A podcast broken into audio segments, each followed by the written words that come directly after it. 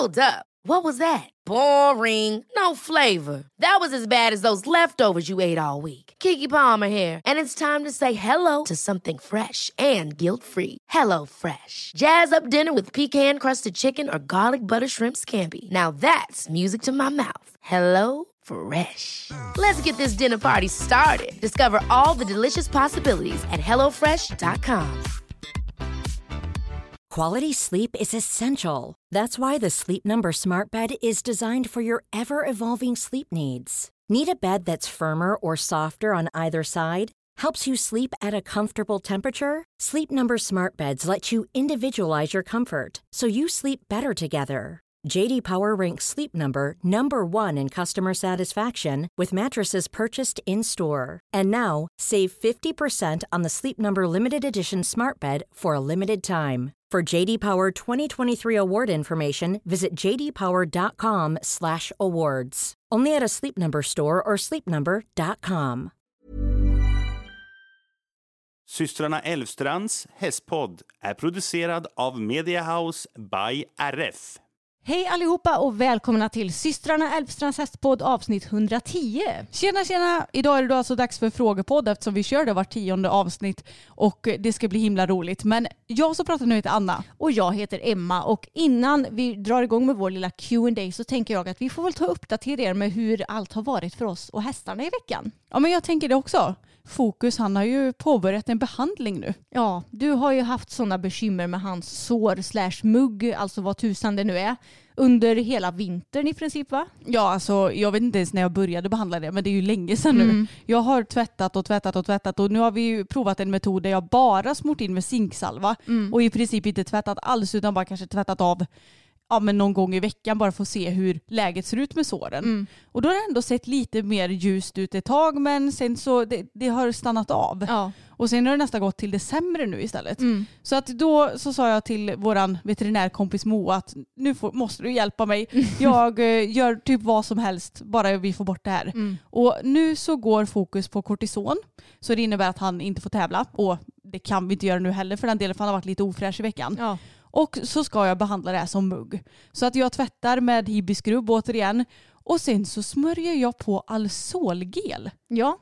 För att jag, jag vet inte hur veterinärerna kommer fram till vissa metoder men eh, alltså, det var någon av Moas kollegor tror jag som Ja. sa att, eh, att Alsolgel kunde fungera. Mm. Och jag är så här, alltså jag, jag är öppen för vad som helst. Och då smörjer man på det innan man smörjer på ja, men honungssalva eller någon annan läkande salva. Mm. Och det är väl säkert för att det ska döda de här svamparna. Ja. Är inte det svampmugg? Ja, eller, ja precis. Bakterier, och whatever. bakterier. Och det som är bra med Alsolgel, vad jag har förstått, det är väl att det återfuktar väl eh, samtidigt som Mm. det tar bort de här ja, men bakterierna. Och, Ja, och det är ju inte svidigt heller för det märker man ju Ja. själv när man tar på det på händerna om man råkar ha något litet sår så gör det ju inte ont. Nej precis och jag vet att Moa har sagt det att eh, det är så svårt för dem att liksom ge någon vad ska man säga, bra rekommendation för alla hästar är ju olika. Mm. Så det som funkar för en häst kanske inte funkar för någon annan häst och de har ju testat olika grejer på sina hästar och det här med Alsolgel det var ju någonting som funkade för ja, men ett par stycken av dem. Så nu ska vi testa det för det här med zink funkade ju inte. Nej, inte bara i alla fall. Nej. Sen är det ju en bra mjukgörande salva så. Men eh, vi får se. Det, det känns redan som att det ser bättre ut tycker jag. Mm. Så jag håller verkligen tummarna för att skiten kan försvinna för gott nu. Ja. Och då får han ju alltså behandlas nu under typ, ja vad blir det sammanlagt? Kanske 15-16 dagar nu med den här eh, Mm. kortisonen. Och sen så har vi ju lite karenstid och grejer på det. Ja. Så att jag vet inte riktigt när nästa tävling blir men det gör mig inte så mycket. Nej, Det- Vi måste ju få bukt på det här någon jäkla gång. Ja exakt, och då är det lika bra att få bukt på det nu och sen ska ju ändå hästarna in till tandläkaren nästa vecka blir det va? Ja det blir det va? Ja, och kolla sina tänder och då får de ju inte tävla liksom den veckan heller. Nej. Så jag menar, vi, vi har en liten rehabtid nu för fokus kan man säga. Ja men det får bli så och det är så tråkigt. Alltså sådana här grejer får mig att känna mig som världens sämsta hästägare. Men jag har ju verkligen försökt massa olika grejer. Det är inte så att jag bara skitit i det. Nej. Men det, det känns ju nästan som att jag har gjort det. För att, eftersom det inte försvinner om du förstår vad jag menar. Jo, jag förstår. Så det, åh, det är så himla tufft det här. Men eh, jag hoppas att det ska försvinna som sagt. Ja. Men de andra två de är ju lite sura. Ja men alltså mars månad är ju här och även om vädret är helt otroligt och vi njuter massor, hästarna njuter massor i hagen så är ju mars en knepig månad för många hästar. Och jag minns att när vi hade boppen, alltså mars det var den månaden på året som han alltid gick som sämst. Ja men han blev ju bara så här en lång korv och Mm. lite loj och lite tung. Och, ah, Ja. Det var inget kul att rida honom i mars. Nej, och han var så här, blev känslig Mm. och ja, samtidigt som han var lite loj som sagt. Så nej, alltså mars gick han alltid dåligt i. Och eh, Bella och Tage, de är ju lite sura nu. De fäller. Och ja, för Tages del så är han ju väldigt sur både när man borstar honom och ska spänna sadeljorden och sådär. Och Bella, ja men hon har ju allmänna attitydproblem just nu. Ja. Igår så skulle du hoppa henne här hemma Anna. Mm. Och du har ju varit lite så här, ja ah, men hon är så himla gnällig i paddocken. Jag tänkte bara Mm. hur illa kan det vara? Men hon var ju jättesur när jag satt upp. Japp. Hon bara, nu måste jag visa lite här hur, hur tråkigt jag tycker att det här ska bli. Men sen så när hon väl förstod att vi skulle hoppa lite, för det gjorde vi ju igår, då, ja, men då blev det lite bättre. Ja. Men sen var hon så rolig för, då, för vi hoppade tillsammans med Moa och Matilda, våra kompisar, hemma i paddocken. Och då gjorde jag halt bredvid Matildas häst, eller ja men typ bredvid Matildas häst, en bit ifrån. Eftersom jag vet att Bella är lite sur och kanske lite extra sur nu. Så skulle jag be henne att gå iväg för att vi skulle ja, men hoppa en övning. Nej men då ville hon vända röven till Matildas häst. Då blev jag så jäkla sur på Bella. Jag bara ursäkta, du har hela paddocken på dig. Och jag bad dig att gå iväg åt helt andra hållet. Då ville hon vända in röven mot Bolero och sparka honom typ. Så då fick jag snabbt som attan vända huvudet mot Matildas häst istället. Ja. Och sen backa ut Bella för att jag bara så här får du inte göra madame. Nej, så alltså hon har ju verkligen attitydproblem just nu. Men jag sa det, det är nästan som att de har lite så här PMS-bekymmer just nu. Hela tiden. Så just nu så har jag insett att jag får ta den här månaden som den kommer. Och det säger väl så här, ja, men både veterinärer och även Charlotte, ekoterapeut, att eh, ja, men hästarna har det tufft nu och vissa hästar kan ha det tufft. Man mär- märker inte så tydligt på vissa hästar men andra hästar så blir det tuffare den här månaden. Och med Bella så har jag nu insett att jag får alltså ändra om lite grann i träningen. För vi brukar normalt sett rida ut tre gånger i veckan och rida på banan tre gånger i veckan. Men nu får det bli mer uteritter och att jag fokuserar på att rida eh, vad ska man säga, alltså banpassen, inte hemma utan att jag åker bort och gör det. För det tycker hon är roligare. Hon går alltid mycket bättre när man är iväg och rider på bortaplan. Så nu till helgen ska vi ju tävla till exempel. Det tror jag hon kommer tycka är lika skoj som hon tyckte att det var förra gången. Ja. Men hon tycker inte det är kul just nu att rida dressyr hemma till exempel. Nej, men det är ju lite så. Och jag har nog inte reflekterat så mycket över Tage förut. Men nu inser jag att han, han är ju lite känslig i pälsen. Jag märker ingen skillnad i ridningen. Han är precis likadan. Ja. Men det är just när man ska så borsta lite och, och han ska vi- visa lite sitt missnöje. Och det är inte så konstigt för att det är ju en omställning för dem när de fäller pälsen. Ja, Som de gör nu. Precis, och med det sagt så vill vi bara säga till er alla att det är inte konstigt ifall ni kanske får sämre känsla i ridningen just nu, ifall hästarna är sura, ifall de protesterar på olika vis, ifall man har lite ridbarhetsproblem. Det är nog snarare väldigt vanligt tror jag. Men det är klart att man kan bli nojig. Jag blir ju nojig så fort Bella eh, alltså beter sig på ett visst sätt. Även om jag har känt att nej, men hon känns bra i rörelsemönstret hon känns jättefin när hon kommer igång och sådär. Så blev jag lite nojig förra veckan och bara Moa kan du kolla på Bella? Så Ja, för hon hade- skulle ju ändå kolla på fokus. Ja, så vi hade en liten mini-vettcheck här hemma och Moa bara nej hon är fräsch. Och jag bara, alltså jag hade inte förväntat mig något annat heller. Nej. Men när man har haft så mycket problem med sin häst som jag har haft med Bella, då, då blir ju jag extra nojig. Ja men det är väl inte så konstigt. Nej. Men det är lite kul för fokus märker jag ingen skillnad på. Nej. I och för sig så har han ju typ inte börjat fälla riktigt än. Nej. Så det kanske kommer när pälsen väl börjar fälla. Mm. Men han är ju överlag ganska så jämn i humöret ändå. Mm. Sen kan han ju såklart tycka att jag är jobbig om jag ber om vissa saker i ridningen. Att han kan bli lite, ja men visa sitt missnöje på så vis. Men han är ju nästan alltid likadan året om. Ja, det är han. Så jag tror att ja, men för Bella och Tages del, de kanske kommer må lite bättre igen om någon månad. Typ. Ja. Men vi sa ju att eh, jag hoppade lite igår. Mm. Och alltså vi kom ju fram till det innan att jag innan igår så hade inte jag hoppat på två månader. Nej, och det var ju när du flög av Tage dessutom. Ja, så att mitt färskaste minne av hoppning det var ju kanske inte sådär görbra. Nej. med andra ord. Jag har ju såklart hoppat lite grann sen dess men det har varit så här, lite block, ni vet, sånt Mm. som man orkar dra fram. För att vi har inte haft några hoppträningar och jag har inte kunnat hoppträna fokus heller med hans alla sår och sådär. Och så har jag Mm. inte velat hoppa taget direkt sådär jättemycket för att jag känner lite att det kanske inte behöver vara så mycket mer än lite block på Mm. honom. Men eh, ja, så att jag var så här jätte, jätte, jättenervös och kände mig inte jättebekväm. Men det gick ju ganska bra. Ja det gick jättebra ju. Det, det enda som inte var bra det var att hon var tjurig i början men sen när hon kom igång såg hon jättefin ut. Hon var pigg och framme för skänken när du red. Och, alltså, jag, jag, jag skulle säga att det gick jättebra, inte ganska bra. Ja okej. Men jag kände mig inte så himla smidig. Jag vet inte vad det var och det kanske har att göra med att vi var hemma och att Bella tycker det är roligare att hoppa borta. För att Mm. när jag har, ja men som, ja sist jag hoppade, det var ju när vi hopptävlade då i september. Ja. Då så fick jag en helt annan känsla att hon var mycket mer mjukare i sidorna och lite mer Alltså det, man kände så att här är galoppen. Mm. Igår så visste jag inte riktigt vilken galopp jag skulle ha. Nej. Helt plötsligt var hon lite lång och sen när jag tog ihop henne lite då blev det typ för mycket. Mm. Så jag satt och plockade. Alltså det var svårt att hitta den där gyllene medelvägen. Ja, men det kanske inte bara berodde på henne också utan det kanske berodde på att du, alltså när du har hoppat henne tidigare så har ju du varit igång och hoppat fokus också. Jo, det är i och för sig sant. Jag har ju hoppat extremt lite nu. Mm. Så det är ju inte så konstigt. Men jag, jag, jag klankar inte ner på mig själv för det. Men vi kändes bara, alltså det kändes inte så himla smidigt först. För att jag kände mig så klumpig. Jag fattar inte varför. Nej. Jag brukar inte känna mig så klumpig. Nej men det, det blev lite så här att ibland glömde du bort att ta någon halv, alltså hon kom så här jättenära och fick så här slänga upp bakbenen för att komma över och sådär. Men det blir ju så när man är ringrostig. Ja. Antingen blir man jätteplockig eller så kanske man gasar på väldigt mycket istället och igår så gasade du på ganska så mycket skulle jag säga. Ja, men jag anser ju ändå att det är bättre än att sitta och hålla på och plocka i alla fall. Ja, verkligen. För att det är ju lätt det jag tar till när jag blir osäker. Mm. Det är ju jättestandard hos säkert många ryttare också att man sitter och håller tryggheten lite i munnen istället för Ja. att bara lätt att släppa på framåt. Men som sagt det var svårt att hitta den här gyllene galoppen Mm. som är lite extra stampig och, och sådär. Men hon skötte sig ju bra som den pärla hon är ändå. Ja, Och det var väldigt kul så jag hoppas att jag kan få sno henne någon mer gång ja. Men, inom en relativt snar ja, framtid. men det kan du göra. Men alltså hon hoppade så fint och sista banan i hopparen låg på 90-95 centimeter och det var ju inga problem. Nej, även om jag skällde på det för att jag sa att jag vill inte hoppa högre för jag har inte hoppat för länge. Nej, du hade hoppat en bana på typ så här först 80 centimeter och tänkte jag, ja, men då höjer vi upp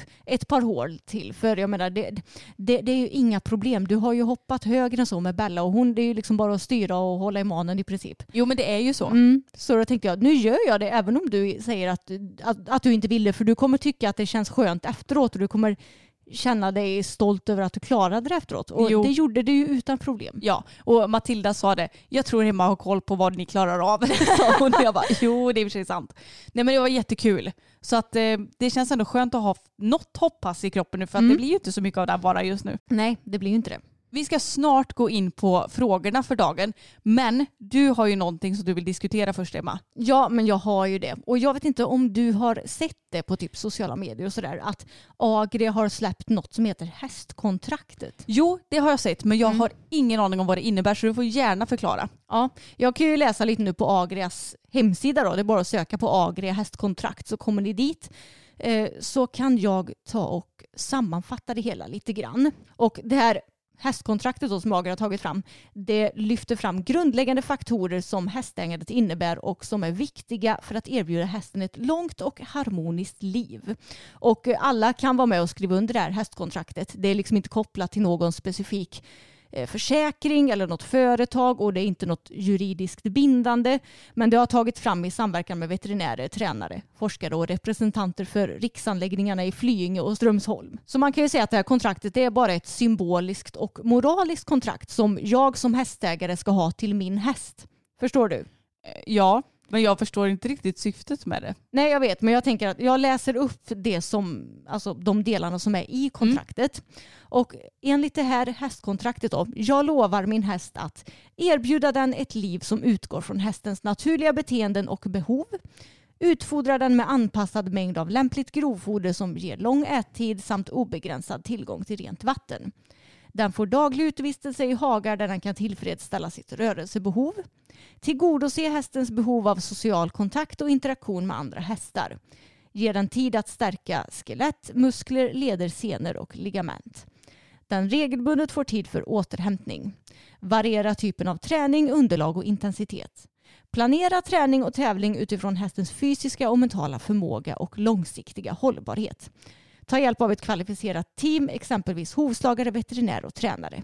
Vara nyfiken men källkritisk och att ständigt förbättra min hästkunskap. Och så kan man då skriva under det här hästkontraktet med sin mail. Och just nu så är det typ 1800 personer som har skrivit under det. Ja, så man kan se det där hur många som har gjort det. Ja, Mm. okej Anna, nu när jag har läst upp det här, vad är dina tankar kring det här hästkontraktet? Ja, alltså jag eh, känner mig ju typ fortfarande lika förvirrad som innan du förklarar vad det är för någonting. För det känns som att så här, det känns lite blajigt. Det känns som att det inte är något konkret eller? Nej, och vad, du menar alltså vad det är för syfte med det? Ja, men lite så. Ja, det känner jag med. För jag tänker att alltså, det kvittar ju hur många som än skriver under det här kontraktet om det ändå inte, alltså, vad ska man säga, kontrolleras eller efterföljs. Mm. Vem som helst kan ju skriva upp det men sen så vad du har för hästhållning i praktiken det vet ju bara du.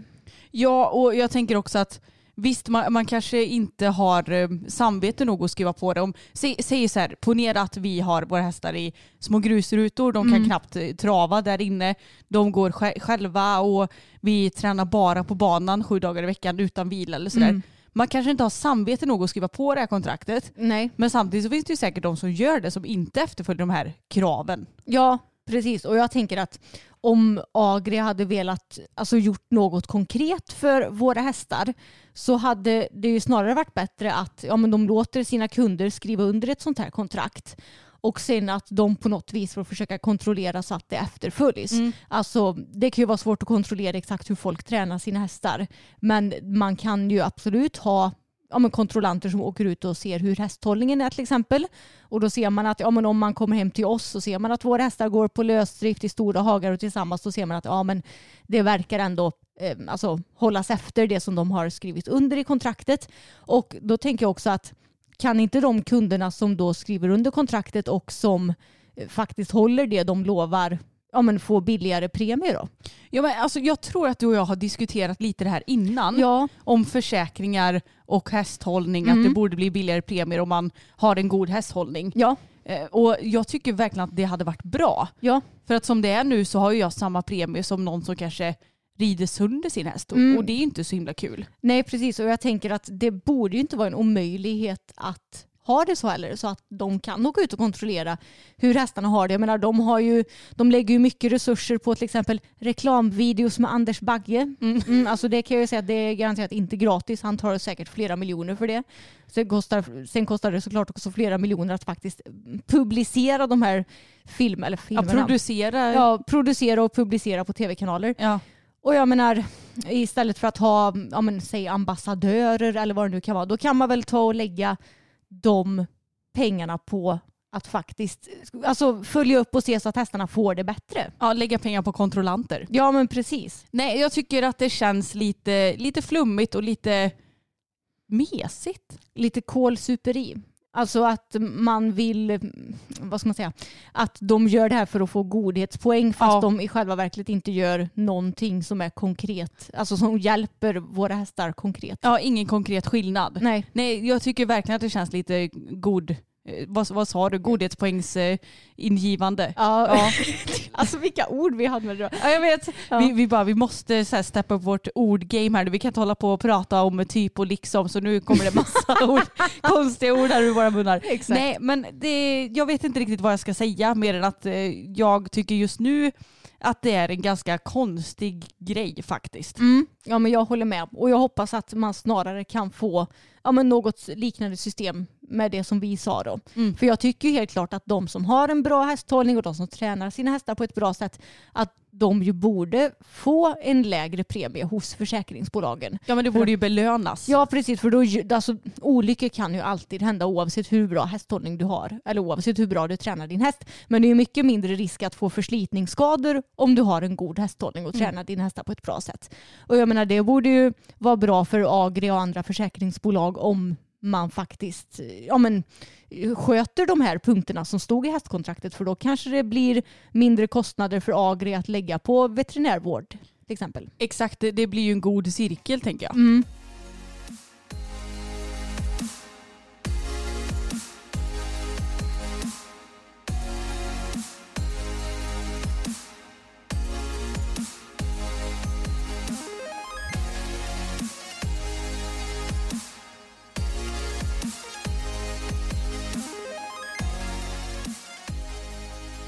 Okej, men då ska vi gå över till frågedelen i det här avsnittet och eh, ska du ta och läsa upp frågorna den här gången, Emma? Ja men det kan jag göra och jag tänker att jag tar och börjar med ett intressant DM med en ja, men lite längre fråga eller diskussionsdel som jag tänker att vi ska prata om. Mm. Anser ni att det är viktigt att en häst klarar böjprov utan anmärkning för att ni ska köpa hästen? Förutsatt att den är frisk i övrigt såklart.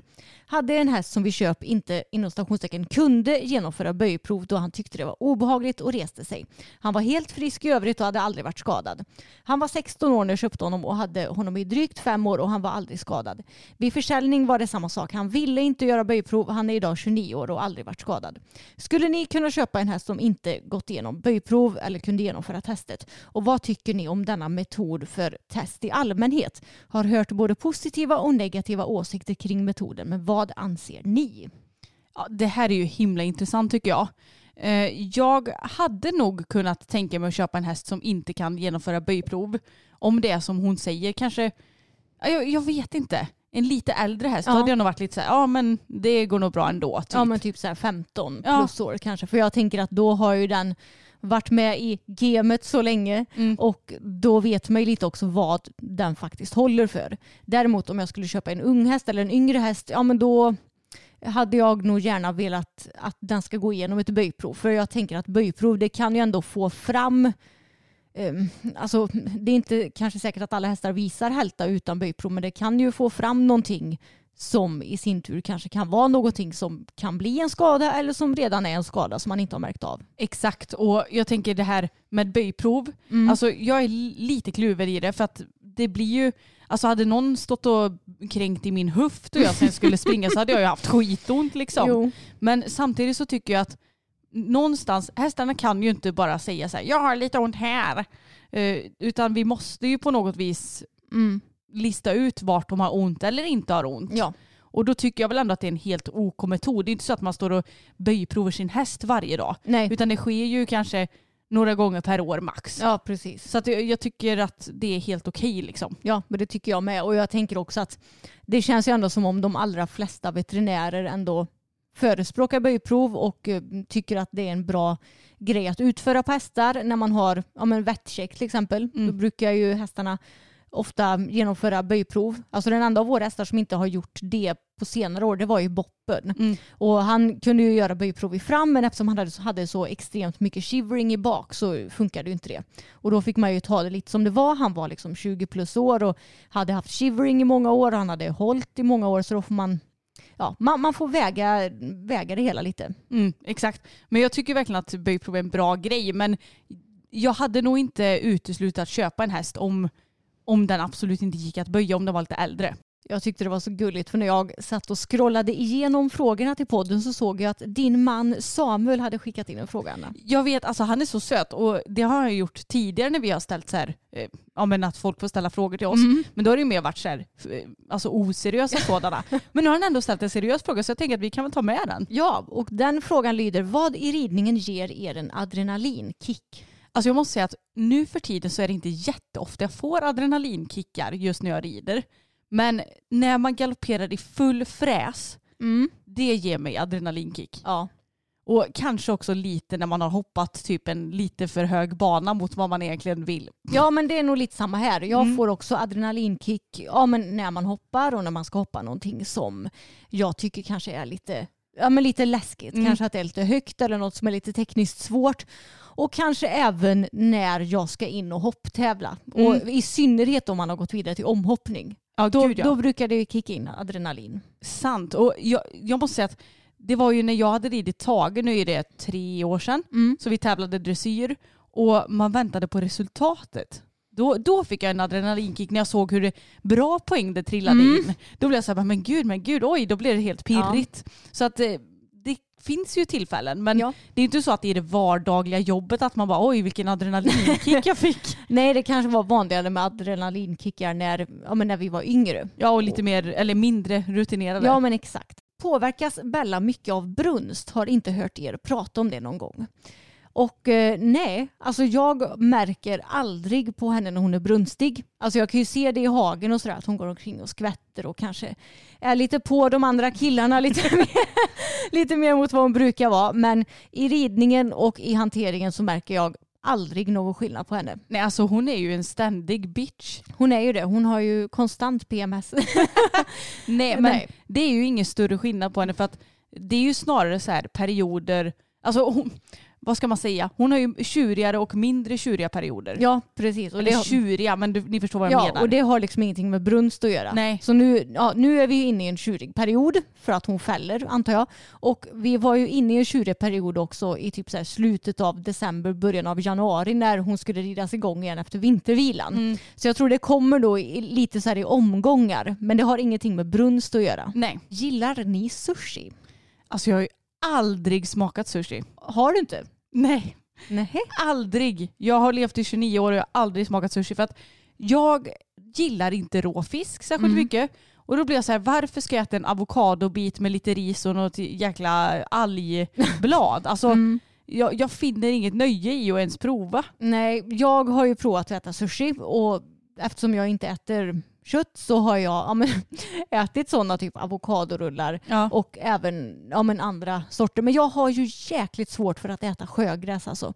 Jag gillar ju inte den själva konsistensen och sen blir det för mycket sjögrässmak också. De enda sushirullarna jag kan äta det är ja, men avokadorullar som det bara är så här jätteliten En liten sträng typ. Ja, en liten sträng sjögräs runt. Men i de flesta sushirullar så är det ju sjögräs i liksom hela rullen. Ja.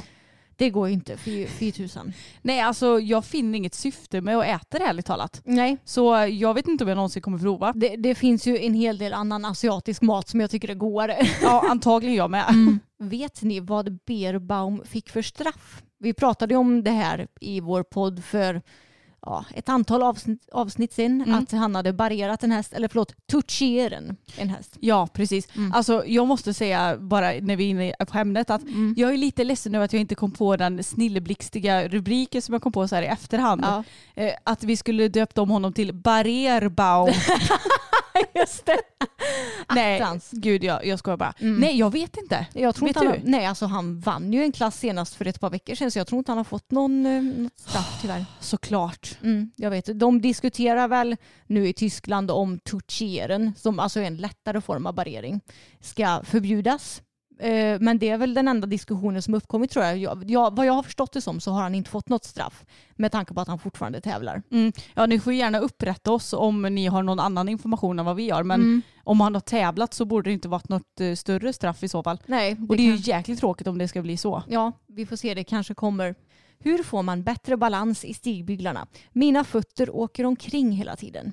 Ja alltså det har jag verkligen varit med om många gånger. Mm. Speciellt när jag var lite yngre och kanske inte hade byggt upp samma styrka och balans som jag har nu. Ja. Men att stå upp i lätt sits är ju väldigt bra för balansen. Och att verkligen tänka att man har vikten i stigbyggen som att man sitter och klämmer med knäna Mm. eller eh, ja, klämmer med vaderna eller vad som helst. Ja, så att man verkligen får ner tyngden i stigbyggen ordentligt. Ja, för jag tycker att, ja men säg om man rider dressyr och om man har svårt för att sitta ner i traven eller rider på en seghäst, då blir det lätt att man kanske blir lite klämmig med knäna och vaderna och då tappar man ju hela stödet i stigbyggen. Mm. Och sen också att faktiskt ha bra stigbyglar och rätt stigbyglar. För jag har alltid haft lite svårt för att trampa ner min skänkel för att jag är väldigt kort i mina muskler på ja, baksida lår och jag gick på tå när jag var liten så jag har väldigt korta hälsenor. Och därför har jag haft ganska svårt för att få ett bra stöd i stigbyggen. Men vi rider ju med tech stirrups nu Mm. och de är helt underbara.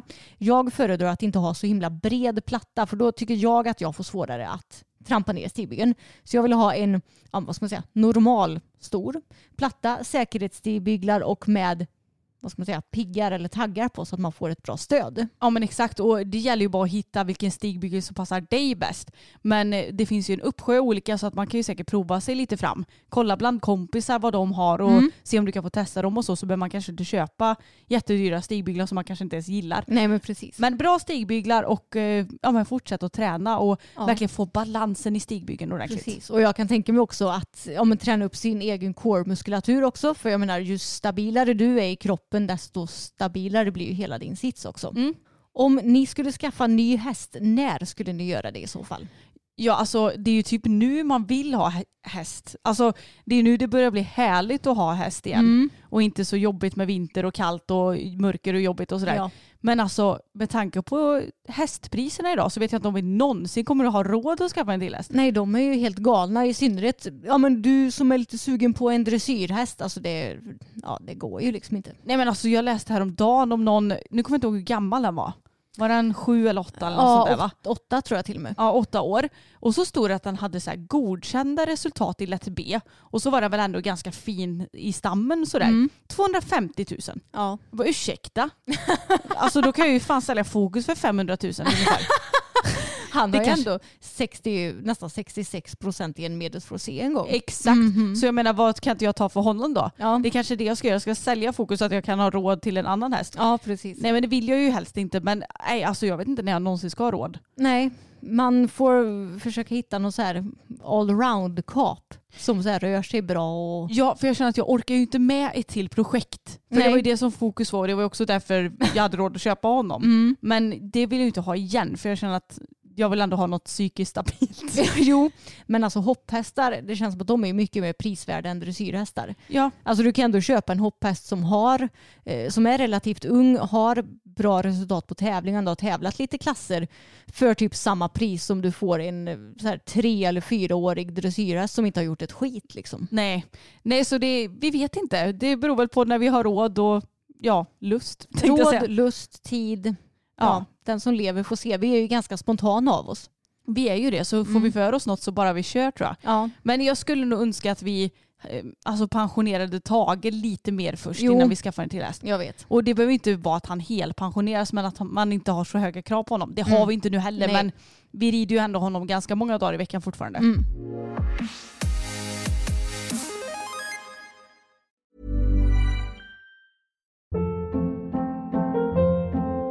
Hold up. What was that? Boring. No flavor. That was as bad as those leftovers you ate all week. Kiki Palmer here, and it's time to say hello to something fresh and guilt-free. Hello Fresh. Jazz up dinner with pecan-crusted chicken or garlic butter shrimp scampi. Now that's music to my mouth. Hello Fresh. Let's get this dinner party started. Discover all the delicious possibilities at hellofresh.com.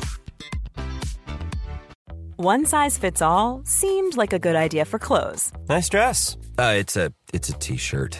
until you tried it on. Same goes for your healthcare.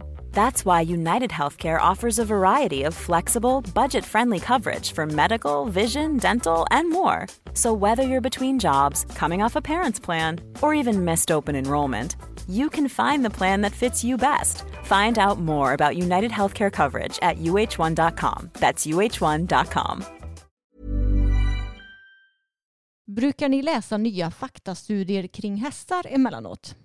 Eh, nej, för jag vet nog inte ens vart man får tag på sådana. Nej, alltså det som jag kan läsa det är väl, ja men ibland lägger ju Hipson till exempel upp, nu har det kommit ny fakta kring det här och så är det någon artikel. ja, I och för sig, det var inte så länge sedan jag läste om något täcke på Hipson. Mm. Gud, nu kommer jag inte ihåg vad det täcket Nej, jag vet- jag vet men det gav vilket- ingen verkan i alla fall. Nej precis, jag, ja, jag har inte läst det men jag har, har sett det. Ja. Men ja, alltså sådana, sån, om det räknas som att läsa ny forskning så gör vi ju det. Men däremot så vet jag ju inte alltså, vad jag ska söka på och vart man hittar alltså, de här riktiga studierna. Nej, Sådana som jag fick läsa om när jag gick i högskolan fast då läste jag ju snarare typ så här psykologistudier. mm. så vi får svara nja på den eh, frågan kanske. Ja, alltså lite koll har vi ju Ja. på de nya, de, de, de nya forskningsrönen, säger man så? Eh, ja, det kanske man kan säga. Ja, ja precis som kommer ut. Men jag, jag föredrar ju om det kan sammanfattas i typ Hipson eller tidningen Ridsport. Eller Ja, för då är det lite intressantare att läsa. För jag, jag kan tycka att det blir lite så här för mastigt om det är för seriösa texter. ja, precis. Men Anna, vi får ju alltid väldigt mycket frågor på det här med att köpa ny häst. I varje frågestund vi har är nog de frågorna alltså de mest ställda. Och eh, en fråga vi har fått nu det är om slash när ni letar ny häst, vad kommer ni söka efter för typ av häst då? Ja, alltså det vet vi ju inte riktigt. För att vi vet ju inte om det kommer bli så att du köper en till häst, att jag köper en till häst, att vi köper en ihop. Vad vi vill ha för syfte. Men om jag, vi kan ju säga lite vad vi önskar själva då. Om jag får önska så vill jag ju gärna ha något dressyrstammat. Eller åtminstone som, som har kvaliteter för att gå lite dressyrklasser. Ja, Den ska ha startat så att jag vet att den faktiskt eh, tycker att det beter är sig. Ja, men så att den faktiskt tycker att det är okej att vara på dressyrbanan. Så att den inte, jag, och jag orkar inte med någon med spooky Loki som Snooky Tookie. Nej. Eh, och mm, ålder, ja men absolut minst fyra. Mm. Gärna lite äldre för jag tror inte att jag är någon ung hästperson riktigt. Mm. Men eh, sen vill jag ju inte ha äldre än typ åtta egentligen. Nej, precis. Så jag har ju ett ganska så kort åldersspann. Kanske mellan fem till åtta hade varit din optimala. Ja, Mm. exakt. Och ja men gärna 1,70. Kanske egentligen inte så jättemycket, varken mindre eller större. Mm. För jag vill inte ha någon bjässe heller. Nej. Och ja, färg och sånt spelar faktiskt ingen större roll. Nej. Helst inte skimmel eller skäck för att jag tycker att det är jobbigt med vitt. Jo, jo. Men jag menar, skulle vi hitta en helt förträfflig skäck eller skimmel så är det inte så att jag bara nej, jag vill ha en brun. Nej, precis. Och inga vita ben. För det orkar jag inte heller med längre. Efter fokus eh, konstiga vita ben eh, tjofräs så Nej. känner jag att helst inga tecken alls typ. En stor bläs bara. Ja, precis. Du, du är kräsen du. Ja, nej, alltså jag Mm. skojar ju med det där. Men eh, du då Emma? Ja, men jag vet inte. Alltså, jag är ju så nöjd med Bella nu. Det, Ja, men då så, då kan vi köpa en dressyrhäst. Ja men det hade kanske varit kul. Alltså jag tänker att det hade ändå varit kul om du och jag hade köpt något projekt tillsammans. Och med projekt så menar jag inte en häst som, eh, alltså Som kräver så, fokus. nej, precis, som kräver så mycket jobb som fokus utan kanske någon yngre häst. Alltså som gärna får ha ja, startat någonting men som ändå det finns en del utbildning kvar att göra på som har bra psyke. Ja men mellan fem, åtta år kanske. Mm. Och som kanske är ja, men lite mer inriktad på dressyr men som ändå kan hoppa också. Ja, men jag tänker så här att väldigt många dressyrhästar kan ju ändå hoppa låga klasser Ja. utan bekymmer. Men det kanske inte är lika många hopphästar som är superstjärnor på dressyr. Det finns ju jättebra hopphästar som Mm. kan gå dressyr också. Fokus är ju hoppstammad. Ja. Så att jag, jag menar inte att det ena utesluter det andra men jag- jag är så himla sugen på något dressyrigt. Mm. Och jag skulle så gärna vilja ha något efter hingsten Ampere. Ja. Men då får jag ju typ råna en bank först. Ja, det får du göra. Alltså jag är också typ lite sugen på ja, men någon dressyra som kanske dels är lite lättare att sitta på i traven än min häst. så man ändå kan liksom fokusera lite mer på själva dressyrridningen och Ja. inte bara att inte dö under programmet. För jag tycker att det är väldigt kul att tävla dressyr också och nu har jag ju nästan bara tävlat hoppning de senaste åren för Mm. jag har ju haft mer hopphästar.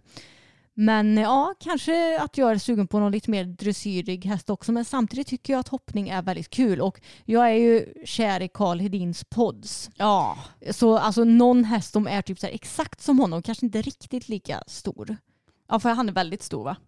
Eller är han? Jo, jo han är väl 1,80 plus tror jag. Har han två stycken hästar som är 1,80 plus?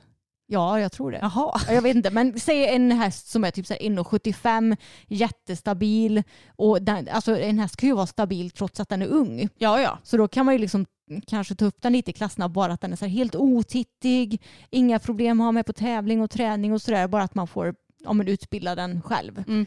Och en sån häst behöver ju heller inte vara svindyr, för som sagt hopphästar är ju inte lika dyra som dressyrhästar. Nej, vi får väl helt enkelt göra så att när Tage pensioneras då köper vi två nya hästar. En dressyr och en hopphäst. Fullt upp. Ja, men gud vad kul ändå. Mm, Om man hade haft lite fler timmar på dygnet kanske. precis. Och några miljoner på plånboken också. ja, det hade behövts. Vet ni vad Paddock Paradise är? Något ni skulle vilja testa? Ja, och nej, jag har ingen aning om vad det är för någonting. Nej. Vet du? Nej. Det låter ju som en eh, paddock som ska vara som ett paradis då. Mm. Och nu har jag googlat här och jag vet inte riktigt om det här är en tillförlitlig källa men jag antar det. Friskahovar.wordpress.com är en blogg jag har hamnat på här. Mm. Och då så handlar det om hagen hos hästarna. Mm.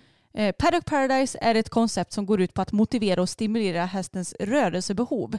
Istället för stora fyrkantiga hagar bygger man vägar inom citationstecken som ersätter de naturliga vandringsleder som hästarna skulle använt sig av i frihet. Längs med vägarna finns olika stationer utplacerade. Vatten, foder, mineraler, skog, vindskydd etc. För att ta sig från en station till en annan så måste hästarna skritta, trava eller galoppera i lika med naturlig motion och stimulans. Så det handlar alltså om att eh, ja, men, göra det så naturligt som möjligt för hästarna antar jag. Mm. Och stimulera så att de ska röra på sig mer. Ja. Ja, det låter väl logiskt och bra. Ja, men samtidigt så vet jag inte riktigt om jag hade själv orkat så bygga värsta grejen i vår hage. För det känns lite som att så här, just nu kan vi använda hagen till många olika grejer. Kan, Mm. Man kan rida i den om man vill och, Ja. och den är stor, vi kan ha den som parkering. Alltså så här, det hade kanske inte riktigt funkat Nej, här med våra... marker. Alltså Nej. vi har ju väldigt platt och ja men det, det är platta marker här. Vi har liksom ingen skog tillgänglig heller Nej. i våra hagar.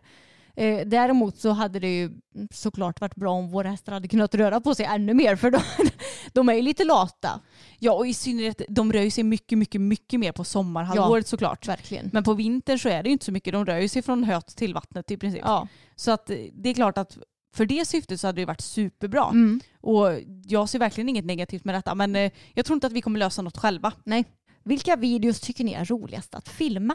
Jag tycker att det är väldigt kul med bara helt vanliga vloggar. Mm. Och när man verkligen har tid på sig att kanske göra något litet mysigt intro Mm. och man kan eh, verkligen lägga tid på att filma. För vissa, ja men som tävlingsvloggar till exempel, Ja. jag tycker att det är väldigt kul men då är man oftast lite, inte i tidsnöd för att Mm. vi planerar ju i god tid med allting. Men däremot så är man ju så väldigt koncentrerad på sin uppgift så då Ja. kan det vara lite svårt ibland att verkligen få med alla saker som man kanske egentligen vill. Mm, ja, jag håller med. Det är mycket lättare och roligare att filma ja, men vanliga vloggar. Säg om vi bara åker iväg och tränar eller om vi bara filmar hemma för då kan man som du säger lägga all tid och energi på det. Men när man tävlar så lägger man ju så mycket tid och energi på att faktiskt tävla. Så då blir det nästan lite så att medhjälparen kanske får vara den som ja, men fokuserar på själva filmningen och hur vloggen ska bli tänker jag. Ja, och det är ju inget fel i det. Jag menar, vi är ju så vana vid att jobba ihop med detta så att det är inget konstigt. Men när vi har tävlingsvloggar så skulle man ju egentligen behöva en tredje part som följer oss som en dokumentär nästan. exakt. Men det funkar ju inte riktigt det heller. Nej. Men eh, ja, vloggar är ju väldigt roligt tycker jag. Ja, och sen är det skitkul med både challenges och olika mm, sittande videos också. Mm. Men det tar ju kanske lite mer energi för då måste vi komma på roliga saker också. Ja, men jag tycker ju så här, det är väldigt kul att filma videos med mamma när hon gör challenges Ja. med oss. Alltså typ när vi ska gissa pris och sådär. Ja. Det är jättekul att filma för jag är en sån tävlingsmänniska. Ja. Däremot är det inte lika kul att redigera för att det är så mycket bilder och text och sådär som ska läggas in. Åh gud, det är jättejobb att eller, Mm. redigera sådana videos men det är det ju ändå värt. Japp. Hur fick ni reda på att ert gårdsspöke heter Sigrid? Ja, men vi har ju en följare som heter Maggan Mm. och hon hörde av sig och hon är också medial Mm. och sa det att ja men jag vet också lite grann om ert eh, spöke eller sådär. Mm. Och eh, fick, då fick vi lite information om henne. Ja. Visst har vi tagit upp det i podden? Ja men jag tror det, för Maggan fick ju kontakt med Sigrid Mm. som berättade ja, men, om sitt liv och sådär. Hur nu det går till. Jag är ju inte medial själv. Inte så. jag heller. Men eh, ja, det, det var på så vis. Och Maggan liksom bekräftade ju att Kajsa var seriös och sådär för hon hade fått fram samma sak om fokus innan vi ens hade släppt poddavsnittet om fokus Mm. till exempel. Så ja, det känns som en trovärdig källa får jag säga. Ja verkligen, så det är tack vare Maggan som vi vet om att spöket heter Sigrid. Ja, och på tal om det här med ja, men medium. Har du sett den nya serien på Netflix med Tyler Henry? Nej det har jag inte gjort. Han är ju världens mest kända medium. Han har typ en väntelista med över 300 000 personer i tror jag det stod. Va? Mm. Oh my god, han har att göra väldigt långt framöver. Livet ut så att säga. Shit. Ja, nej, han är så bra. Han är så härlig, så proffsig. Alltså, ja, det, det är helt sjukt när man tittar på det programmet och ser vad han får fram om människor som... Ja, men han vet ju inte ens om vilka människor han ska träffa. Mm. Och jag tycker att det är väldigt intressant. Life after death with Tyler Henry heter det på Det Netflix. måste jag se då. Den är jättebra. Det det är en riktig så feel good serie tycker Mm. jag. Vilken är er favorit Disney-figur? Eh, Åh herregud. Vi, alltså, vi är inga Disney-människor. Nej alltså jag kommer inte ens ihåg det. Jo jag kanske Jo jag har sett riktiga inom citationstecken Lejonkungen. Alltså icke-animerade. Ja, tecknade. Ja. Men jag vet inte. Nej, Alltså jag har ingen. Inte jag heller. Som sagt, vi har inte kollat på Disney sedan vi var typ små. Nej.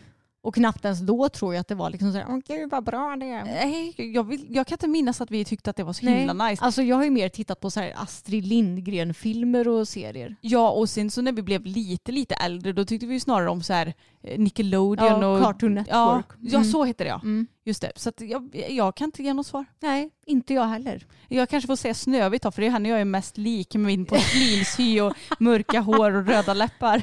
Ja, exakt. Ja, Vem är jag mest lik? Bell. Ja. Skönheten och odjuret. Vem är Mm. ditt odjur? ja, det är ju frågan. Bella. Bella. Kort och koncist, hur mår ni? Jo men jag mår bra. Jag, Kul att jag måste fundera på om jag mår bra eller inte, men det gör jag. Ja. Hur mår du? Jo, men jag mår också bra. Ja, det är, alltså, jag har väl inte någonting direkt att klaga på skulle jag säga. Nej, alltså det är så kul för ni som följer oss på podden här, ni vet ju att vi har ju lite olika krämpor och sånt där. Jo. Men just nu så är det fine. Ja, Jo, det enda jag har det är ett jättekonstigt skoskav. Eller jag tycker inte att skoskav är så konstigt. Men det bara kom helt out of the blue Mm. och på ett så konstigt ställe. För att får jag skoskav så brukar det oftast vara på lilltån eller på hälsenan typ. Ja. Men nu har jag det nästan under hälen på sidan. Det är jättekonstigt. Det är Mm. ont som fasen. Ja, aj, aj. Vad tycker vi om försäljningsstall?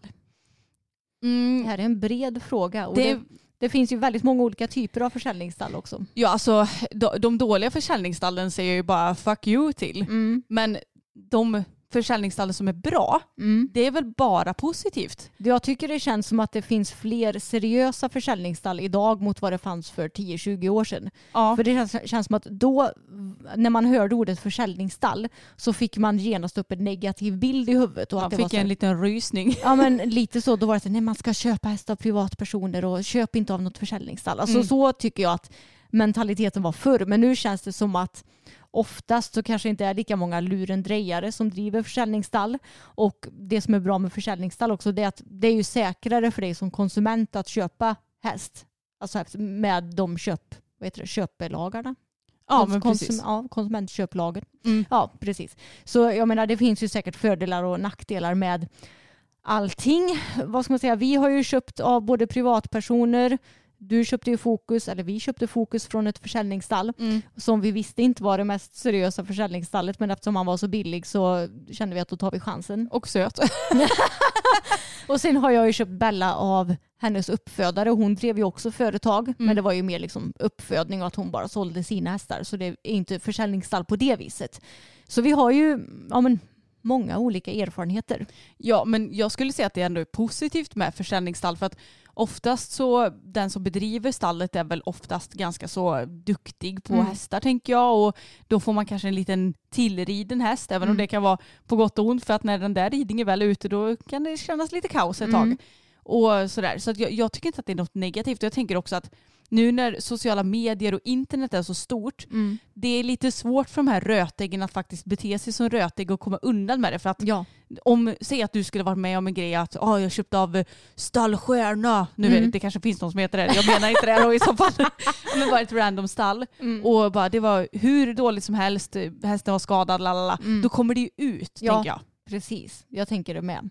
Så ja, alltså ur och sett till att jag skulle leta häst nu Mm. så hade jag garanterat eh, alltså, tyckt kanske att det varit en fördel att köpa av ett försäljningsstall. Ja, jag hade ju inte dragit mig för det i alla fall. Nej. Alltså hade jag sett på Hästnet att det stod att det var ett försäljningsstall så hade jag inte bara nej tack. Nej, precis. Och då har de ju säkert också många olika typer av hästar. Om man letar efter något speciellt så kanske man kan titta på flera hästar samtidigt och de har koll på kanske om den hästen skulle passa mig eller inte beroende på vad jag har för önskemål och sådär. Och jag tänker också att hästar som står i försäljningsstall de kanske också oftast bara står där under en kort period. Och jag menar försäljningsstall de kanske inte alltid har den allra roligaste hästhållningen. Det är väl säkert de flesta hästar går kanske själva i hagen, kanske inte går ute sådär jättelänge men oftast så är väl det som sagt under en kort period Mm. som jag inte tror borde påverka hästen speciellt mycket negativt.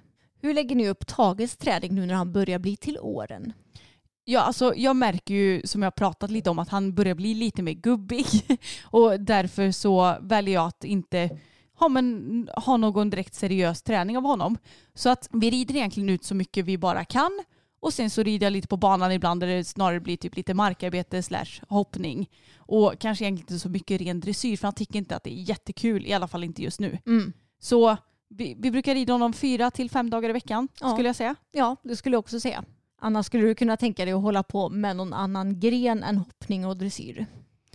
Nej, faktiskt inte. Nej. Det finns ingen gren som lockar mer än de två faktiskt. Nej, men jag håller med. Får jag säga. Det, det känns som att det är de som jag brinner för. Fälttävlan är jag för mesig för. Mm. Samma här.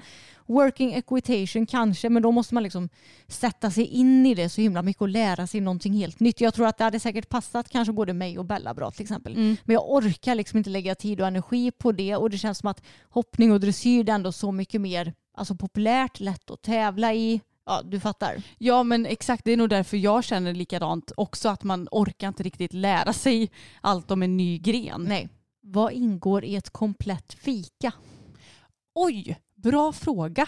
Hmm, kladdkaka, Ja, det är gott. det är väldigt gott. Nej men gud jag vet inte. Jag älskar de här extra stora delicatobollarna som man kan köpa på typ Ica. Ja just det, de är väldigt som goda. säljs i tvåpack. Och eh, ja, men något chokladigt, så de delicatobollarna då. Mm. Och eh, kanske någon god kanelbulle. Ja men jag tycker också bulle och ch- bulle, chokladboll. Ja. Nej gud det är jättesvårt. Nej, överlag, Fika är gott. Ja, överlag så tycker jag att fika utan choklad det är ingen fika. Fast det är också väldigt gott med typ kanelbulle och jag tycker också det är väldigt gott med typ ja, men så här, någon paj, någon bärpaj. Det är också gott. Alltså lägg av, jag blir jättesugen på fika nu bara för att du pratar om det. Bärpaj med vaniljsås. Ja det är ju helt Mm. fruktansvärt gott. Nej men jag håller med, jag tycker också att det ska vara choklad i. Ja. Det tycker jag är godast. Och kärleksmums till exempel Mm. är ju också väldigt gott. Ja. Nej alltså jag kan inte svara på det. Nej. Vi gillar nog eh, de flesta kakor. Vad ska du dricka till då? Mm, jag tycker nog helst saft faktiskt. Jag med.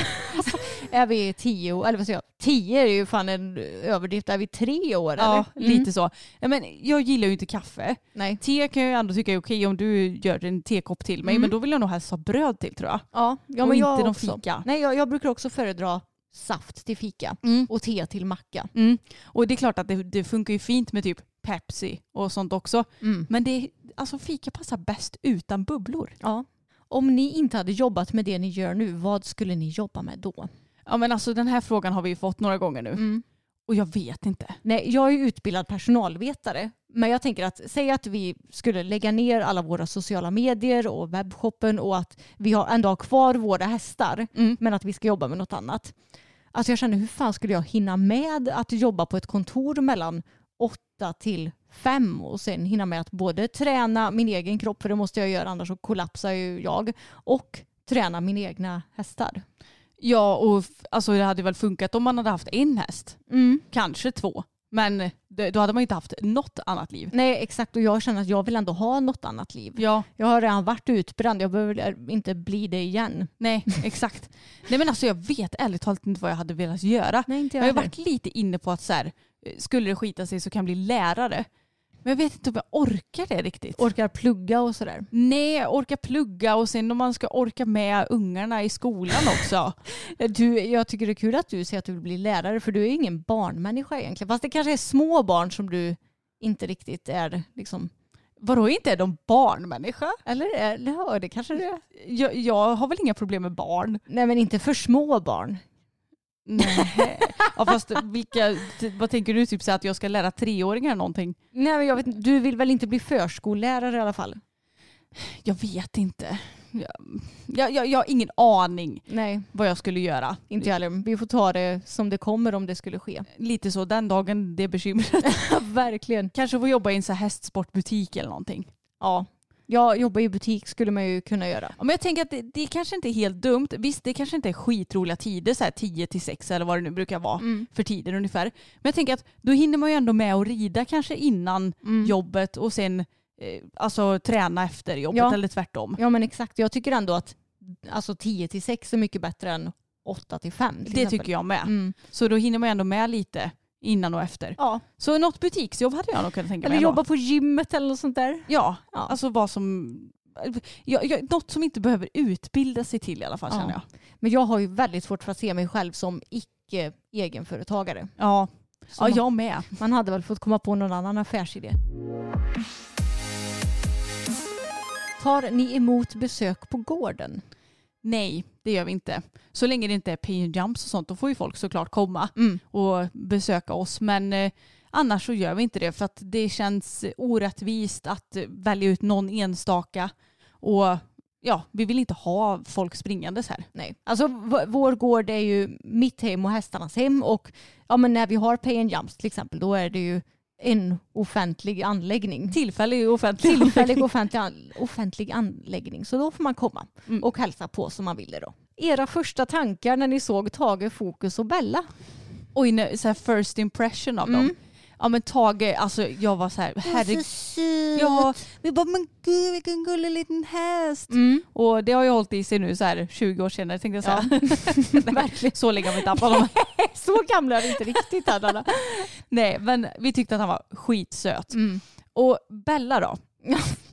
Ja, det var ju inte kärlek vid första ögonkastet. Det Nej. ska tilläggas. Jag tänkte, gud vad, vilken tråkig häst. Alltså jag tyckte att hon såg så tråkig ut. Hon hade, när jag såg henne första gången så hade hon precis varit ute och eh, tränat i skogen med Vendela som red henne då. Ja. Och så kom hon tillbaka och så bara hon stod så här helt trött och uttråkad och hade öronen lite halvt bakåt och bara stod och hängde. Och, Ja, hon var ganska uttryckslös då. ja, hon var väldigt uttryckslös. Men var det, den, var det första gången vi var hos tandläkaren med fokus? Ja. Ja, och det var ju typ i oktober om inte jag minns helt fel. Mm. Så det var ju så här, hon var lite lurvig och Fast vad, nej det kan inte det måste ha varit på våren för jag provred ju henne någon månad senare. ja det kanske var då. Mm. Ja men uh, hur som helst, hon var ju lite lurvig och sådär minns Mm. jag. Så hon var ju inte jätte, om man nu ska tänka sig hästideal som vi pratade om, Mm. var det förra avsnittet? Ja. Ja, hon var ju inte jättevacker och smickrande Nej just då. precis, jag tyckte att hon, hon såg ju inte mm, alltså, så himla mycket ut för världen. Nej. Och det, det är så kul för jag tyckte ju verkligen att Bella, ja, men, när vi provade henne och när vi skulle köpa henne, att hon inte hade så mycket personlighet. Men det är nu när, hon, när vi fick hem henne, då insåg jag hur jävla mycket personlighet den hästen har. Ja men det är väl så med många hästar att man lär känna dem när de väl kommer hem. Ja, Och det kanske är så att när du provred henne, hon kanske inte visar sitt register. nej. Det är inte så konstigt att man inte gör det för en helt ny människa. Mm. Och Fokus då? Ja men honom såg vi på film först, vilket Mm. man kanske brukar göra i och för sig när man köper häst. så när vi såg honom i boxen när vi skulle hämta honom så var det också så här bara men gud vilken Mm. liten gullig Ja. häst. Och sen så tyckte jag mest att han var lite jobbig för han kunde inte stå still på gången när Nej. vi väl skulle ta Exakt. på skydd och sådär. Mm. Det har ju utvecklat sig lite. Ja, det har det gjort. Och det ska ju tilläggas att idag tycker jag att Bella är alltså, en av världens sötaste hästar. Men det, det blir så, man tycker ju att sin egen hästar är det sötaste som finns. Ja man blir ju lite partisk. Ja, det blir man. Har ni någon bra daglig visitering? Ja, men jag brukar köra, så- alltså dels så tittar man ju såklart på hästen Mm. och ser så att den inte ser svullen ut någonstans och sådär. Men under tiden som jag borstar så brukar jag stryka med handen överallt också. Och innan man, eller när man går ner och borstar på benen så hinner man klämma igenom lite, lite grann Mm. sådär. Jag tycker att så länge man känner lite överallt varje dag så märker man ju om det är något som avviker. Ja, alltså jag känner detsamma. Och det känns som en bra rutin och man behöver inte tänka så mycket utan det flyter liksom på. Ska ni börja sälja poddsaker, till exempel tröjor eller något sånt med poddnamnet och eventuellt bild? Ja men alltså det hade ju varit väldigt kul tycker jag. Mm. Men det var frågan vad man skulle tryckt upp på en eventuell tröja eller inte vet jag vad man vill ha, mugg. Vad brukar man köpa? Ja, jag vet inte. Hon blir bara bättre och bättre. Men alltså kan inte ni komma med något förslag då? Vad Mm. skulle ni vilja köpa om, ni, om vi hade poddmerch heter det väl? Ja. Eh, och vad skulle ni vilja att det stod eller vad vill ni ha för bild? Ska Mm. det vara någon tecknad bild på dig och mig kanske? Mm. Och hästarna? Jag vet inte. Nej. Ni får jättegärna komma med förslag och ni kan Mm. väl lägga de förslagen på vår senaste Instagram-post. Ja, det får vi göra. Så får vi ta det vidare med vår agent i så fall. Mm. Om vi blir sugna på att hitta på något sånt här i framtiden. Och Anna, nu får vi planera lite. Hur ser nästa månad ut? Alltså april. Ja, för fokus del så får ju det bli lite vad det blir, tänker jag. Men det hade varit kul att lägga lite mer tryck på bytesträningen igen. Ja. För nu har den legat lite på paus i och med att jag har tävlat med Sosea och jag har inte riktigt hunnit med bytesträningen känns det som. Nej. För att det krävs ju ganska mycket. Jag kan ju inte göra det helt själv. Utan jag behöver ju någon som står på backen för att säga att det var rent, det var orent Mm. och lite sådär. Eh, Så det hade varit kul att lägga lite mer krut på det i alla fall så får vi se om det blir någon tävling. Mm. Det, jag tar det lite som det kommer. Ja. Och Tage, ja, han får ju tulta på ute i skogen och skutta lite. Ha det kul och mysigt. Exakt. Och som jag sa förut så Fokus och Bella de ska ju till tandläkaren. Jag tror det är typ så första, alltså jättetidigt i början av april i alla fall. Ja. Eller? Eller i Eller slutet, på mars. Ja. ja, precis. Så det har de gjort precis innan april. Jag tror att det nästan är dags för Tage att åka till tandläkaren också någon gång så han kanske också får göra det i april någon gång. Ja, vi får boka. Ja, och för Bellas del så ska jag till Grevagården den 15 på långfredagen. Mm. Eh, Förhoppningsvis. Ja, jag är reserv men jag är typ så fjärde reserv nu så jag borde garanterat få plats och då ska jag hoppa en meter.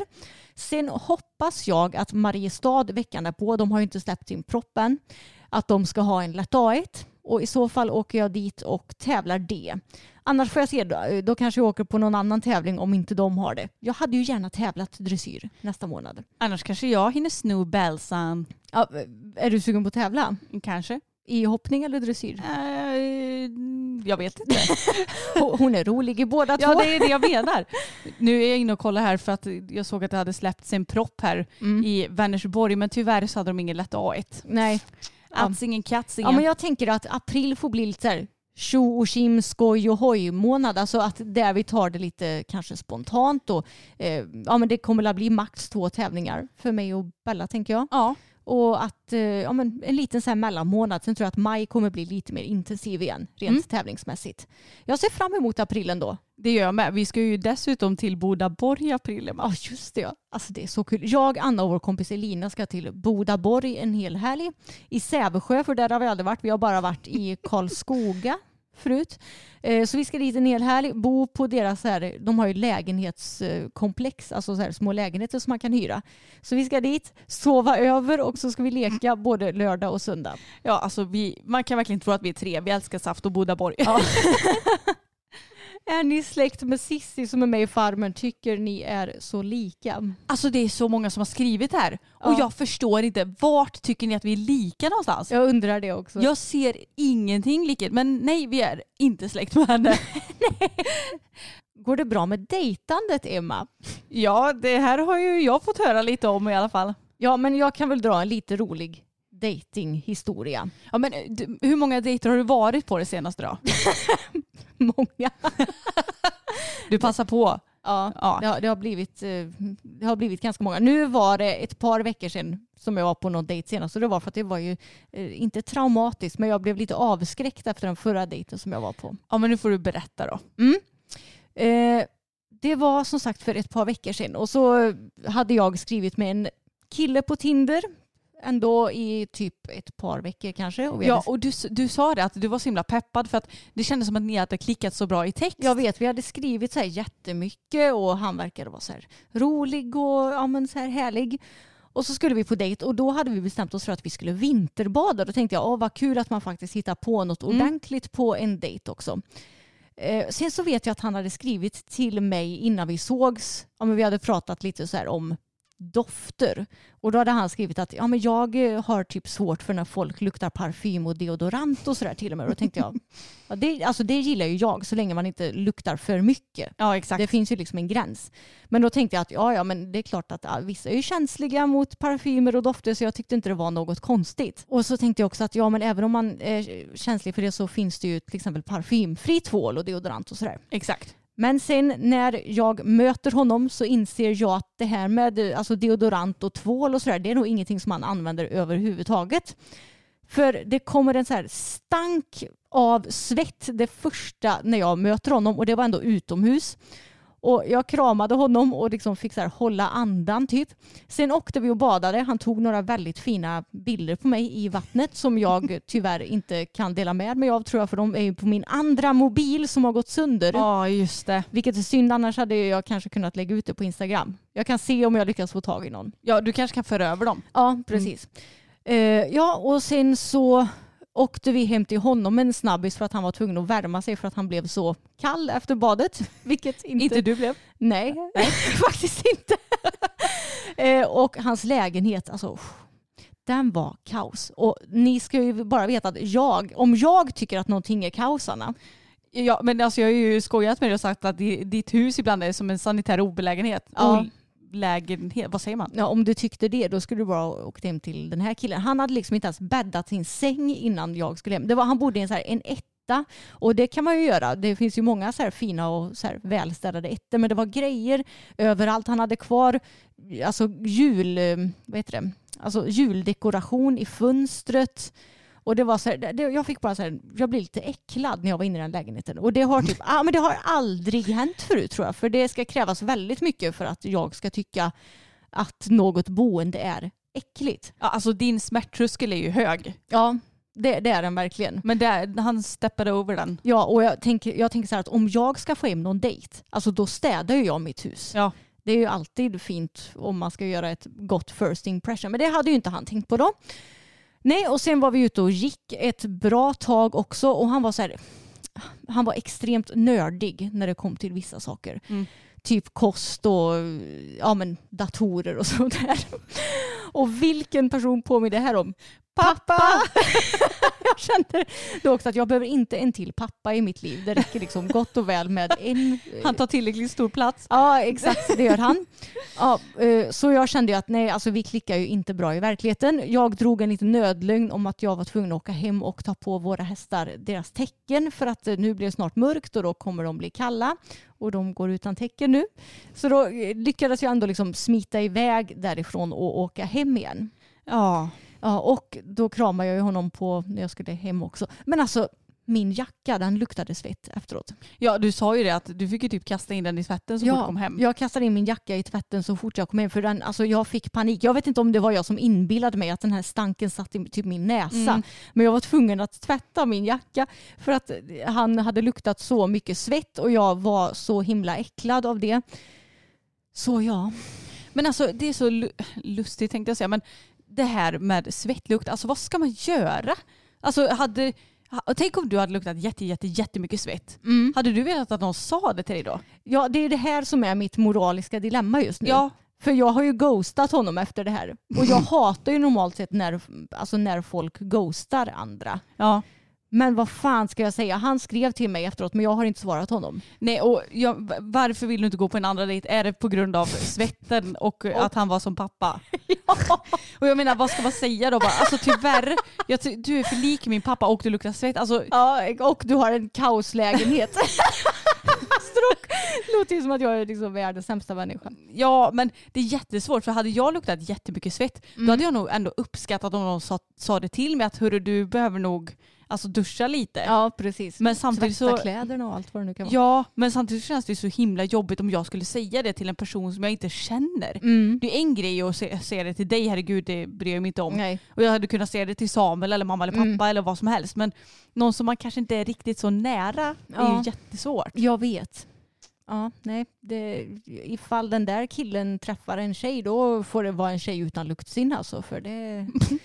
Någon som har haft corona. Exakt.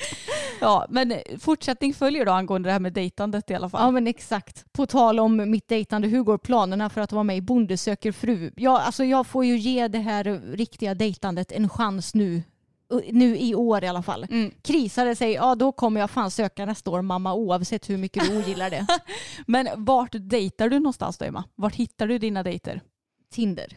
Du swipar höger Ja, och ganska ofta vänster. betydligt oftare vänster än höger. Du har en sån där maskin som bara swipar höger så att du ska få matcher. Ja, Jag skojar. precis. Vi fick också en fråga om vad vi gör på fritiden. Ja, alltså vad har vi för fritid? Vad har vi för liv? Ja. Nej men alltså, jag försöker alltid hitta på grejer att göra som inte handlar om att sitta och scrolla i telefonen. Jo, Så saker som jag tycker är mysigt att göra, det är att läsa. Det är att lösa sudoku och korsord. Nu blir Anna helt plötsligt 80 år här Anna istället. 3 slash 80. Och så gillar jag också färglägga så här eh, mandalas. Nu blir Anna 3.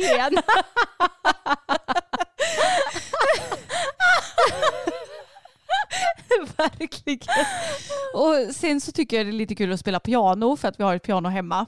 Men grejen är att jag måste vara själv när jag ska spela piano för att jag vet inte, det är något jag vill göra i min ensamhet för jag är inte tillräckligt duktig för att dela med mig av det hemska ljudet liksom. Du är lite självkritisk. Verkligen. Men vad gör du? Ja, och såklart kollar jag på tv och serier också. Jo. Men vad gör du då? Ja, men det enda jag gör det är ju typ att kolla, ja, förutom när vi tränar på gymmet då och jobbar och är med hästarna. Vad, vad gör jag? Ja men det är trevligt att gå ut och gå och lyssna på podd. Mm. Jag gillar att laga mat fast det är, jag vet inte om man ska kalla det för fritid för man måste ju laga mat. Liksom. man måste äta. Eh, men jag tycker att det är kul i alla fall. Eh, ja, titta på tv, serier, gör lite yoga, läser lite grann. Ja, och- försöker. Sen är det klart att vi träffar kompisar ibland men det är ju inte så att det sker varje dag. Nej, och sällan till vardags. Mm. Mm. Så ja, vad gör folk? Alltså, det är också någonting ni kan kommentera under vår senaste bild. Vad gör ni när ni är lediga från både jobb och hästar? Ja. För att det känns som att vi hästnördar, vi gör inte så mycket Nej jag annat. vet, vi, vi har typ ingen tid för att göra något annat känns Nej. det som. Så kommentera gärna, jag är Mm. nyfiken på vad folk hittar på. Då kanske man kan få någon ny inspo till någon ny fritidsaktivitet att göra. Ja. Alltså Anna, det här är en rolig fråga. Finns det någon ryttare som är lite snyggare enligt er? Um, jaha, nu ska man fundera på det också. Ja men Filip Hertz om man nu ska välja någon kanske. Vem tycker du är snyggast av dem då? Jag kommer inte ihåg vem som är vem. är det Olivier kanske? Jag tycker Nikola är snyggast. Tror jag. Kommer inte ihåg vem som är vem. Nej, de, de, Vänta, ser, jag måste googla nu. de ser ju bra ut båda två men nu ska vi se vem Anna tycker är snyggast. Då. Olivier. De är ju un- ungefär i vår ålder också. Så det är ju kanske Ja men det är nog Olivier som, du- jag menar. som du tycker är snyggast. Ja. Ja, då, då tycker vi olika där då. Men jag måste googla på den andra för att jämföra. Nikola, Filip Hertz. Nej jag tycker Olivier tror jag. Okej, Mm. Anna säger Olivier och jag säger Nikola. Då tar vi varsin. jag skojar. Jag bara hej då Samuel, jag kastar ringen nu. Ja men det är väl de. Alltså gud jag känner att jag har så dålig koll just nu på... Ja men jag med. Det Ja. finns säkert många snygga hästkarlar ja, där ute. säkerligen. Men just nu är de jag kom på på rak arm. Samma här. Hur lägger ni upp era gympass? Följer ni något program eller kör ni bara det ni känner för? Ja vi följer ju inget program. Utan vi kör ju egentligen det vi känner för. Mm. Men jag hittar faktiskt en hel del inspiration på träningsövningar på Instagram. Ja det har jag också gjort. Så det är ju, alltså, det är ju lite så här med Instagram, man får ju ha ett litet kritiskt öga så att det inte blir för mycket så här fitness och eh, att det går åt fel håll. Mm. Utan att det ändå hålls på en vettig nivå med, eh, Mm. med hälsan, Mm. tycker jag. Ja. Men eh, när man bara får inspiration på övningar så tycker jag att det är jättebra. Ja. Och sen så försöker jag väl att variera lite så att ja, vi kör ju två överkroppspass och två benpass i veckan Mm. och sen så lite kondition utöver. Mm. Och då försöker jag ju att variera. Alltså överkropp det blir ju mycket rygg, axlar, bål. Ja. För att det är det som jag känner att jag behöver stärka upp Mm. och du med. Men när det kommer till ben så försöker jag att lägga det blir ju såklart alltid mycket baksida och rumpa för det är ju Mm. typ svårt att komma undan. Mm. Men så att man verkligen lägger fokus på framsidan också, ena benpasset brukar jag försöka tänka Ja. på. Precis. Så ja, men mycket träningsinspiration på Instagram och sen så försöka att ja, men göra någon liten grundplan för veckan. Ja, precis. Och att man inte gör samma övningar hela tiden på gymmet också. Mm. Alltså jag tänker när man gör benpass då blir det ju lite lättare att det blir samma. För jag menar det finns ju en begränsat alltså, grej man kan göra. Men när man tränar överkroppen så är det så många fler muskelgrupper som ska tränas också. Mm. Så då brukar jag försöka tänka på att eh, ja, men variera. Och jag gör ju alltid supersets när jag tränar överkropp. Mm. Eftersom som sagt det är så många muskelgrupper som ska hinnas med. Så då brukar jag köra först en ryggövning och sen en axelövning. Sen vilar jag lite grann och så börjar jag om. Mm, exakt, det är ett väldigt bra tips faktiskt. Hur var ni som unga? Oj, det här är en bra fråga. Hur var jag? Ja, alltså det beror ju på vilken ålder och sådär. Men du har ju alltid varit, alltså haft mer humörsvängningar än vad jag har haft. Jo tack, Mm. det har jag verkligen haft. Och jag tror att för min del så har det varit, gud nu låter det lite så här nästan bipolärt, men när jag var arg så var jag ju riktigt jäkla arg. Mm. Och var jag glad så var jag ju väldigt, väldigt glad. Det var ju Mm. ga- ganska sällan så neutralt när det kom till mig, Ja. kan jag känna. ja. Ehm, det har ju blivit lite bättre med Jo. åren. Mm. Men eh, annars har jag alltid varit en väldigt kreativ unge och, och alltså aktiv. Det har vi ju båda varit. ja, ja. Väldigt aktiva. Men eh, du var nog lite mer den lugna kon av oss två alltså. Ja, men jag har ju alltid varit ganska så lugn av mig. Sen var ju jag alltså, extremt smart när jag var liten. Mm. Jag var ju mycket, mycket smartare när jag var liten än vad jag är nu. Eller, Det fejdades ut eller? ja, men jag tror det. Jag var ju riktigt läshuvud. Alltså hade ju superlätt för mig i skolan. Mm. Inte för att jag skulle ha svårt för, för skolan nu om jag hade börjat, men du fattar vad jag menar. Ja, nu kanske du hade behövt läsa lite mer än vad du behövde förr. Ja, alltså det var ju nästan så att det kändes som att jag var lite underbarn när jag var liten. Enligt dig själv eller enligt andra? Ja, både och tror jag. Okej. Ja, nej men, eh, ja, men jag, jag var också väldigt ambitiös, lugn, fast jag var fan jävligt busig samtidigt när jag gick på typ så här låg mellanstadiet. Ja.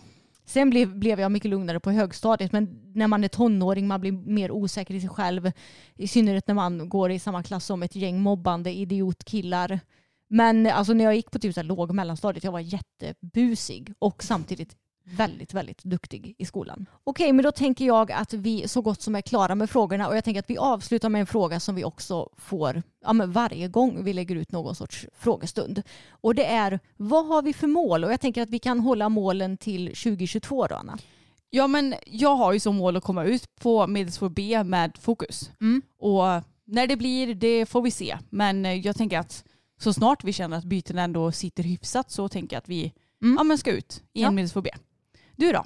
Jag har ju som mål att starta 1,10 med Bella och eh, ja, gärna liksom felfritt och sådär.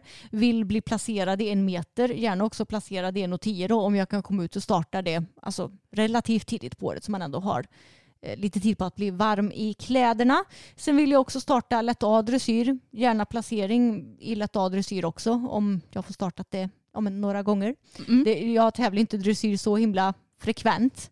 Så jag behöver väl ändå ut och tävla det lite mer regelbundet kanske om jag ska få ja, men bra resultat även i lite högre klasser.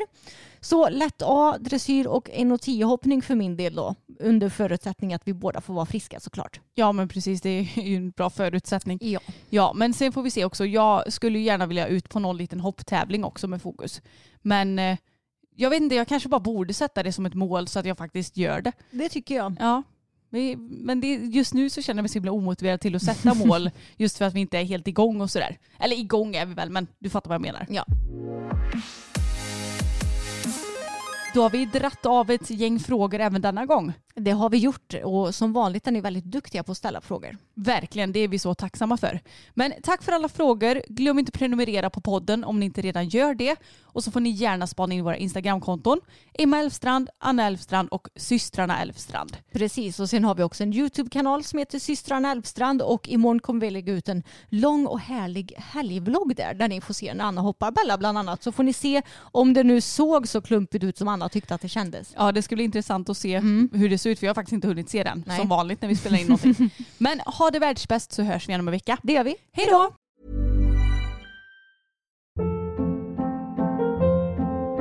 Hold up. What was that? Boring. No flavor. That was as bad as those leftovers you ate all week. Kiki Palmer here, and it's time to say hello to something fresh and guilt-free. Hello Fresh. Jazz up dinner with pecan-crusted chicken or garlic butter shrimp scampi. Now that's music to my mouth. Hello Fresh. Let's get this dinner party started. Discover all the delicious possibilities at hellofresh.com. Even when we're on a budget, we still deserve nice things. Quince is a place to scoop up stunning high-end goods for 50 to 80% less than similar brands. They have buttery soft cashmere sweaters starting at $50, luxurious Italian leather bags, and so much more. Plus, Quince only works with factories that use safe, ethical, and responsible manufacturing. Get the high-end goods you'll love without the high price tag with Quince. Go to quince.com slash style for free shipping and 365-day returns.